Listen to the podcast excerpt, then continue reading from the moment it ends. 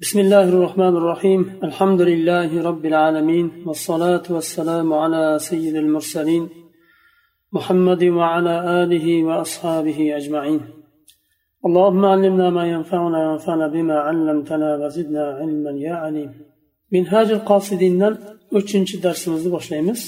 فصل فأما علم المعاملة وهو علم أحوال القلب كالخوف والرجاء والرضا والصدق والإخلاص وغير ذلك فهذا العلم ارتفع به كبار العلماء وبتحقيقه اشتهرت أذكارهم كسفيان الثوري وأبي حنيفة ومالك والشافعي وأحمد رحمهم الله أما معاملة المبسة قلب أحوال لرن بلش hozir muomala deganda fiqhda muomala bobi deydi ibodat bobi deydi ibodat bobiga namoz tahorat haj ro'za shunga o'xshagan nimalar kiradi muomalat bobi savdo sotiq ijaraga berish kafola vakolat shunga o'xshagan nimalar? U fiqh kitobiga xos bo'lgan muomalat deyiladi. Buni muomalat deganda oldi berdi boshqa dunyoviy odamlarni orasidagi muomala tushuniladi bu yerdagi muomaladan murod qalbning ahvollari.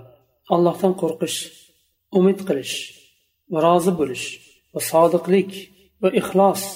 Bu alloh bilan bandani o'rtasidagi muomala katta olimlar bu ilm bilan ko'tarildi va buni hayotda tadbiq qilishlik bilan mashhur bo'ldi ularni zikrlari shu katta olimlarni jumlasidan sufyan savriy abu hanifa molik shofiiy ahmad rahimahulloh imomlar وإنما انحطت رتبة المسمين بالفقهاء والعلماء عن تلك المقامات لتشاغلهم بسور العلم من غير أخذ على النفس أن تبلغ إلى حقائقه وتعمل بخفاياه boshqa olimlar fuqarolar yuqorida o'tgan imomlarni martabasidan pastroq bo'ldi nima uchun ular boshqa ilmlar bilan ham mashg'ul bo'lib qolganliklari uchun ba'zi ilmlar bor masalan fiqh ilmi bugungi istiroh bilan aytadigan bo'lsak nahu lug'at ilmlari bular alohida ilmni bir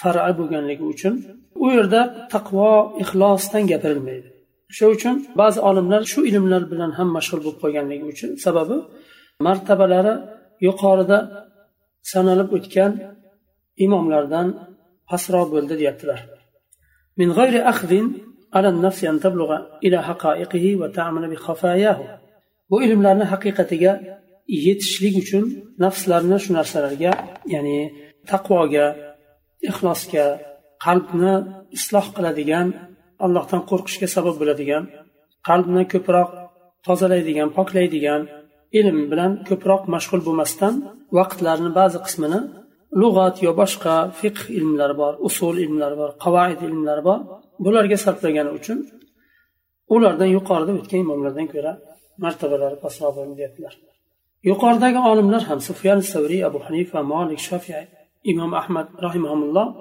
bular ham ham fiqhda ham lug'atda ham boshqa ilmlarda imom aslida lekin ko'proq mana shu muomalat ilmi bilan alloh bilan bandani o'rtasidagi muomalat ilmi bilan ham yetarli darajada mashg'ul bo'lganliklaridan mashhur bo'ldi ular وأنت تجد الفقيه يتكلم في الظهار واللعان والسبق والرمي ويفرع التفريعات التي تمضي الدهور فيها ولا يحتاج إلى مسألة منها ولا يتكلم في الإخلاص ولا يحذر من الرياء وهذا عليه فرض عين لأن في إهماله هلاكه والأول فرض كفاية ولو أنه سئل عن علة ترك المناقشة للنفس في الإخلاص والرياء لم يكن له جواب. ولو سئل عن علة تشاغله بمسائل اللعان والرمي لقال هذا فرض كفاية ولقد صدق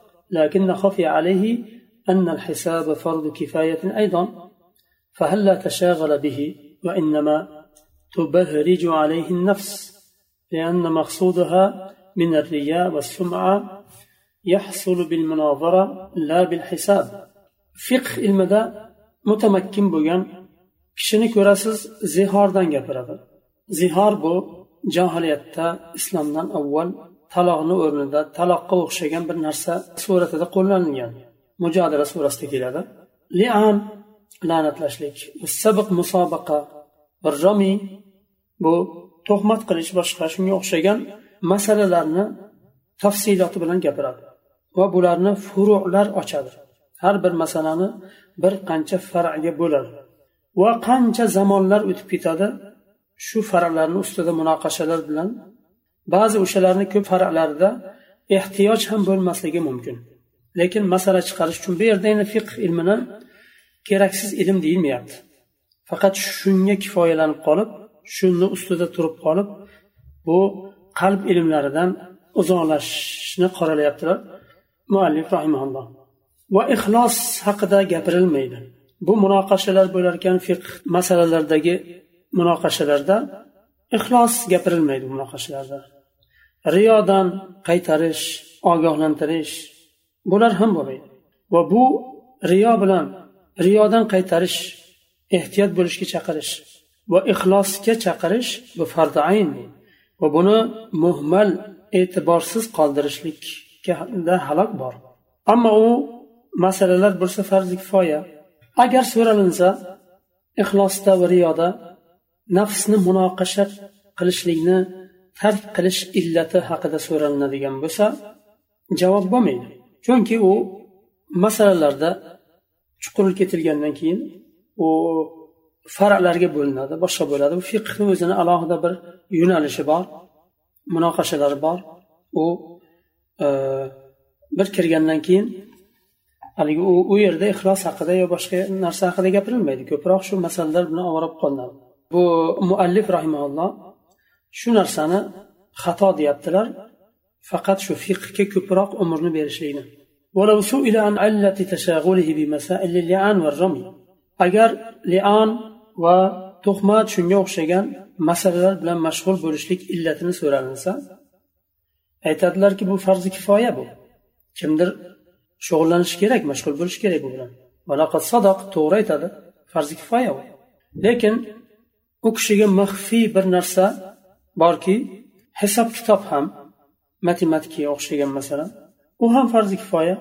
Uni ham musulmonlarni bir qismi bilishlik kerak. Nima uchun bo'lmasam shu hisob kitob bilan shug'ullanmadilar chunki riyo bilan sumadan buni ehtiyot qilishlik uchun munoqashaga muhtoj hisobga muhtoj emas. واعلم أنه قد بدلت ألفاظ وحرفت ونقلت إلى معان لم يردها السلف الصالح bilingki ba'zi bir lafzlar o'zgartirildi uni ya'ni lafzlarni o'zlari o'zgartirilmadi lekin uni ma'nolari boshqa narsaga aytilinadigan bo'lib qoldi boshqa ma'nolarga naql qilindi bu ma'nolarni salaf solih iroda qilmagan edi فمن ذلك shulardan al fiqh فإنهم تصرفوا فيه بالتخصيص fiqh deganda bir muayyan bir ilmga xos qilib qo'ydilar bu keyinchalik salaflardan keyingi asrlarda bo'lgan xatolar haqida gapiryaptilar fiqh deganda bugungi fiqh masalalari far'iy masalalar ilmiga fiqh degan nimani xoslab qo'ydilar far furularni bilishlik va uni illatlarini bilishlikni fiqh dedilar va shu bilan xosladilar shu ilmga xos bo'lib qoldi fiqh ismi.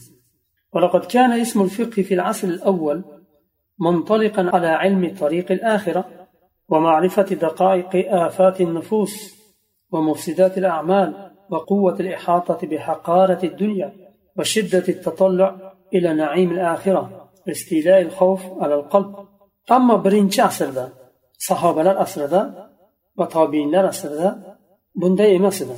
Fiqh deganda oxiratga olib boradigan yo'l ilmi ekanini tushuniladi oxiratga olib boradigan oxiratni yorqinlashtiradigan bir ilm deb tushuniladi va nafsni ofatlarini nozik taraflarini tushuntiradigan bildiradigan ilm deb biladi. Amallarni ifsod qiladigan buzadigan ilmlarni bilishlik. Inson amalini buzadigan narsalarni bilmasa bo'lmaydi. Va qalbni zaiflashtiradigan yo qalbga zarar yetkazadigan amallarni bilmasa bo'lmaydi. Yo qalbni quvvatlaydigan ko'proq allohdan qo'rqadigan qiladigan shunga sabab bo'ladigan amallarni bilsa u narsani amalga oshiradida allohga yaqinroq bo'ladi. Bu narsani fiqh ilmi deyiladi. Fiqh degani o'zi fahm degani. Al fiqhu u ma'nosi fahm degani. Fahmlashlik bir narsani. Va dunyoni haqir bir narsa ekanini bildiradigan va oxiratni ne'matlariga olib boradigan ya'ni intilishlikka sabab bo'ladigan ilmni ular fiqh deyishadi. Va qalbga xavf ollohdan bo'lgan qo'rqish taqvo g'olib bo'lishiga sabab bo'ladigan ilmni fiqh deydilar ammo bugun fiqh deganda far'iy masalalarni bilishlik va uni illatlarini bilishlik bu tushuniladi ولذلك قال الحسن البصري رحمه الله إن الفقيه الزاهد في الدنيا الراغب في الآخرة البصير بدينه المداوم على عبادة ربه الورع الكاف عن أعراض المسلمين العفيف عن أموالهم الناصح لهم حسن البصري رحمه الله aytganlar faqih kim faqih dunyoda zohid bo'lgan kishidir oxiratga intilgan va oxiratni istagan kishidir dinini yaxshi chuqur tanigan bilgan kishidir ibodatida davomli bo'lgan va musulmonlarni obro'sidan tiyilgan orqasidan gapirmagan va mollaridan qo'lini tiygan va ularga nasihat qilgan xolis bo'lgan inson faqihdir deganlar. Aynan dinni nimaligini to'g'ri fahmlagan odam shu sifatlarga ega bo'ladi. Dinni nima ekanini nima uchun u din alloh tarafidan yuborilganini to'g'ri va yaxshi tushungan kishi fahmlagan kishi faqih bo'ladi va shu sifatlarga ega bo'ladi. Fiqhni yuqorida aytdik fahm. Demak u dinni to'g'ri va chuqur fahmlabdiki dunyoda zohid bo'libdi va oxiratga intiladigan bo'libdi. Va odamlarga zarar bermaslikka sabab bo'lgan bu ya'ni odamlarni obro'ylaridan o'zini tiygan zarar berishdan tiygan tili bilan ham qo'li bilan ham. Chunki faqih bu yuqoridagi sifatlarga ega bo'ldi dinni to'g'ri va chuqur tushunganligi uchun. Shuning uchun oyatida olimlar aytadilar ollohdan faqatgina olimlar qo'rqadilar. Shuning uchun agar bir avom bir kishi dinda ilmi bo'lmagan bir kishi taqvoliman desa ishonmang. To'g'ri qandaydir bir miqdorda ba'zi bir juz'iy nimalarda allohdan qo'rqadi to'g'ri lekin haqiqiy taqvolik bo'lolmaydi agar ilmga ega bo'lmasa. Va o'n yil o'n besh yil o'qigan kishi ham bo'lishi mumkin. Ancha muncha ilmdan o'qigan foydalangan lekin allohdan qo'rqmaydigan bo'lsa u kishini olim deyilmaydi. Nima uchun? Chunki allohdan faqatgina faqatgina bilan kelyapti hasr bilan faqatgina olimlar qo'rqadi. Demak ikkita sifat bo'lishlik kerak. Ikkita sifat bir yerda bo'lishi kerak. Ilm bilan taqvo. Bittasi ketsa ikkinchisi bo'lmaydi. Ikkinchisi ham ketadi. فكان إطلاقهم اسم الفقه على علم الآخرة أكثر لأنه لم يكن متناولا للفتاوى ولكن كان متناولا لذلك بطريق العموم والشمول فصار من هذا التخصيص تلبيس بعث الناس على التجرد لعلم الفتاوى الظاهرة والإعراض عن علم المعاملة للآخرة. salaflarni fiqh ismiga bo'lgan itloqi qanday bo'lgan ko'proq oxiratga taalluqli bo'lgan ilmni ular fiqh degan ko'proq ya'ni. Chunki oxiratga taalluqli bo'lgan ilmlarda fatvolar yo'q ya'ni ahkomlar fatvosi. Lekin umum sifatida o'zini ichiga oladi. Fatvolar ham bor faqih deganda yo fiqh deganda salaflarni fahmidagi fiqhda ham fatvolar ham kiradi aslida lekin aksar nimasi oxirat ilmiga taalluqli bo'lgan ilmlarga aytilingan. Va bu taxsisdan ya'ni fiqh ismini muayyan bir ilmga masalalar nimalarga xoslashlikdan talbis chalkashishlik kelib chiqdi. Odamlar fatvolar bilan zohir fatvolar bilan mashg'ul bo'lib qolishdi va shuni fiqh deyishdi. Va oxiratga olib boradigan oxiratni tanitadigan ilmlardan uzoqlashdi. اللفظ الثاني العلم. ikkinchi lafz ilm فقد كان ذلك يطلق على العلم بالله تعالى وأيامه وأفعاله في عباده فخصوه وسموه به في الغالب المناظر في مسائل الفقه وإن كان جاهلا بالتفسير والأخبار. علم ديگanda allohga taalluqli bo'lgan alloh taoloni tanitadigan ilmni va biayyamihi alloh taoloni qavmlarga bergan jazolari va qavmlarga bergan ne'matlari bularni tanitadigan ilmni ilm deyiladi. Va bandalarni ustidan alloh taoloni fe'llarini bularni tanitadigan ilmni ilm deyiladi. Keyinchalik buni xos qilishda yana bu fiqh masalalaridagi munozaralarga xos bo'ldi. Agarchi tafsir va xabar axbor nimalaridan uzoq bo'lishsa ham bu narsani biz bilishimiz kerak salaflar qanday qaragan shuning uchun abu hanifa rahimaulloh fiqhul akbar deb nomlagan aqida kitobini اللفظ الثالث التوحيد وشنج لفظ توحيد وقد كان ذلك إشارة إلى أن ترى الأمور كلها من الله تعالى رؤية تقطع الالتفات إلى الأسباب والوسائط فيثمر ذلك التوكل والرضا وقد جعل الآن عبارة عن صناعة الكلام في الأصول وذلك من المنكرات عند السلف توحيد deganda nima tushuniladi ishlarni hammasi olloh tarafdan ekanligi shunday bir nazardaki ya'ni inson dunyoqarashi shunday bo'lishi kerakki har qanday ish olloh tarafdan deb bilish kerak va shu dunyoqarashi sabablarga va vositalarga burilishlikdan kesadi. Ya'ni insonni boshqa narsalardan uzadi. Biladiki bu degani sabablarni tark qilishlik degani emas. Sabablarni qiladi lekin sabablarga suyanmaydi. Bu ilm tavakkul bilan rizoni rozi bo'lishlikni meros qiladi. Qoldiradi insonni qalbida. Har qanday ish olloh tarafdan deb bilsa sabablarni oladi lekin sabablarga suyanmaydi. Demak umidi ollohdan bo'lib qoladi. U holatda tavakkul bilan rozi bo'lish sifatini bu ilm qalbda qoldiradi. Bugun u narsa ya'ni tavhid deganda sinoatil kalam fil usul. Kalamdan murod falsafa. Oldingi zamonda bular aynan bu nima nechinchi asrlarda bundan yetti yuz sakkiz yuz yil oldin kalom ilmi rivojlangan va bu narsani tavhid degan. Hatto ba'zi bir mazhablarda falsafa ya'ni aqida ilmi ularda falsafa ustida qurilgan. Ular aytadiki falsafani bilmagan kishi aqidani bilmaydi deydi. Falsafani bilmagan kishi islom aqidasini bilmaydi tushunmaydi deydi. Bu narsa nima deyaptilar? Zalika minal munkarot salaf. Salaflarni nazarida bu narsa munkar ishlardan edi. Salaflarda yo'q edi falsafa. Falsafa dindan emas aqida bilan bitta narsa qilib qo'yishlik bu noto'g'ri. Falsafani bilmagan kishi aqidani bilmaydi deyishlik noto'g'ri.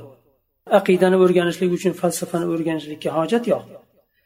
Agar aqidani bilish tushunishlik uchun falsafaga ehtiyoj bo'lganda rasululloh sallallohu alayhi vasallam buni keltirgan bo'laydilar falsafani التذكير والذكر to'rtinchi lafz التذكير والذكر alloh taolo الذاريات surasida وذكر فإن الذكرى تنفع المؤمنين eslating eslatishlik mo'minlarga foyda beradi وقال النبي صلى الله عليه وسلم إذا مررتم برياض الجنة فارتعوا. قال وما رياض الجنة؟ قال مجالس الذكر. فنقلوا ذلك إلى القصص.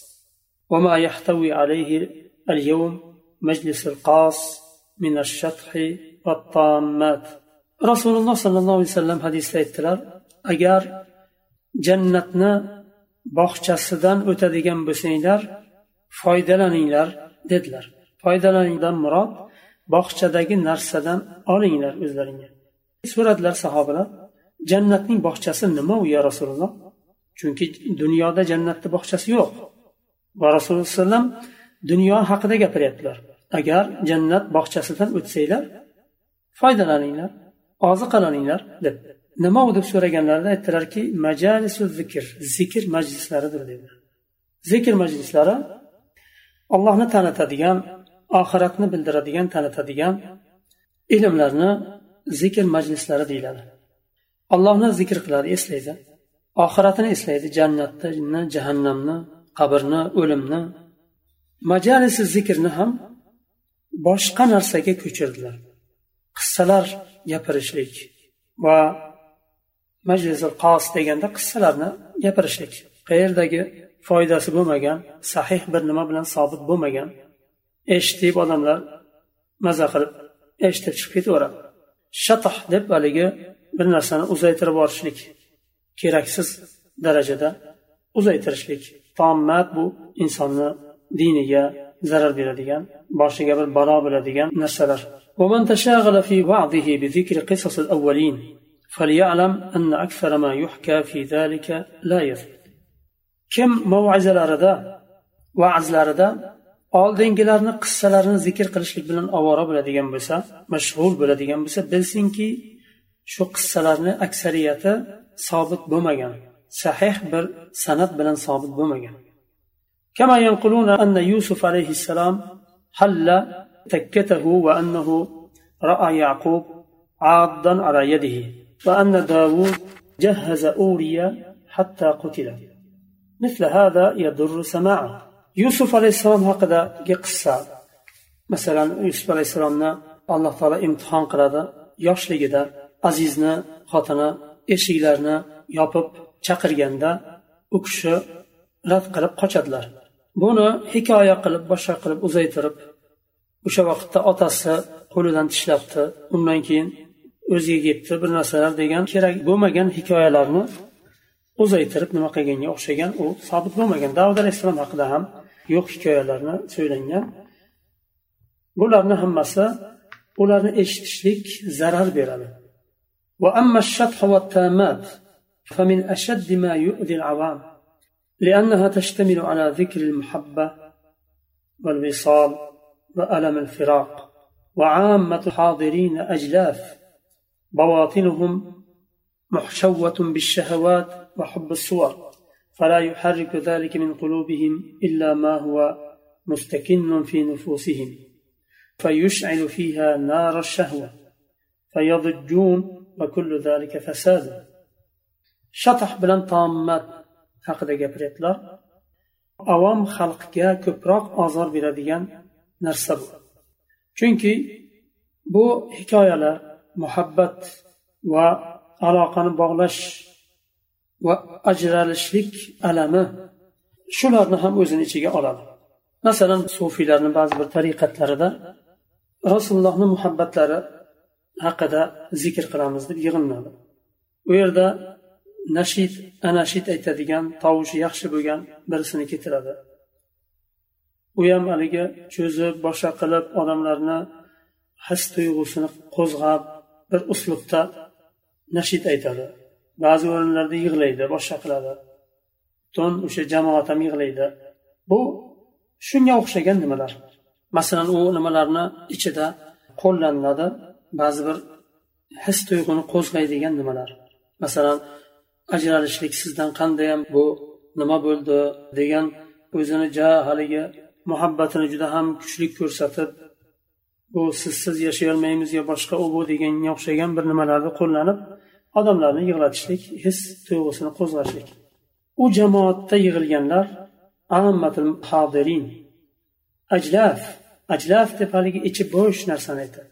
Ilmdan bo'sh bo'lgan avom bir xalq yig'iladi. Va ichlarida shahavatu suratlarga bo'lgan ishtiyoq va shunga o'xshagan bir nimalar bilan to'lgan ishlari nimalar yig'iladi? Yoshlar va avom xalq yig'iladi. va bu narsalar bu shatoh va tommat bu nimani his tuyg'usini qo'zg'aydigan nimalar bilan uslubda uzaytirishlik zikrni ular nomlagan ismlagan zikrni bu avom xalqni qalbida nimani qo'zg'aydi? Shahvat tuyg'ularini qo'zg'ashi mumkin va ularni fasodga yetaklashi mumkin. على الدعاوي العريضة في محبة الله تعالى. وفي هذا ضرر عظيم وقد ترك جماعة من الفلاحين فلاحتهم وأظهروا مثل هذه الدعاوى. وشن يغشيا شفح مجلس هذا ينا بعض الدعوة لأنها وزن إشي قال قالشي ممكن الله محبة ديجان بالدعوة وبهم زرر يبتلر ya'ni allohni muhabbatini biz qur'ondan va sunnatdan o'rganamiz. U yig'lab boshqa qilib nashidlar aytib yana boshqa bir haligi allohni kalomidan kitobidan sunnatidan dalil bo'lmagan yo'llar bilan o'rganmaymiz. Allohni kalomi va rasulini sunnati sahobalarni yo'li sunnati bizga yetarlik o'rganishga allohni muhabbatini. Shuning uchun bu kishi aytyaptilar bu yo'l bilan nima qilishlik zarar bo'ladi deyaptilar. Chunki bir jamoa dehqonlar dehqonchilikni tark qilib shu tarki dunyo qilib o'tirib olishgan sababi biz allohni yaxshi ko'ramiz umrimizni shu alloh uchun sarf qilamiz deb. Aslida din unday emas. Din har bir narsani haqqini o'z vaqtida berishlik.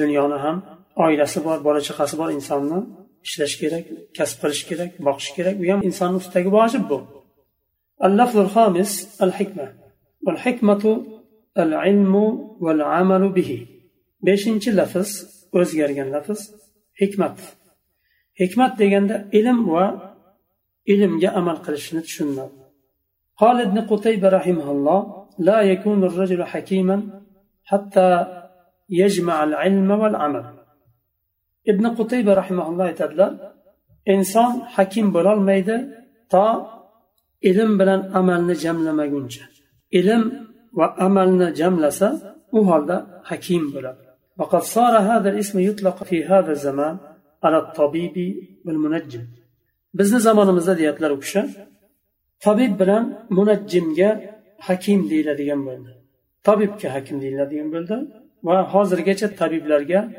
arab davlatlarida hakim deyiladi munajjim u yulduz ilmlari bilan mashg'ul bo'ladigan yulduzga qarab taxmin qiladigan kishilarni munajjim deyiladi u dinda harom qilingan shu yerda to'xtaymiz سبحانك اللهم وبحمدك أشهد أن لا إله إلا أنت أستغفرك وأتوب إليك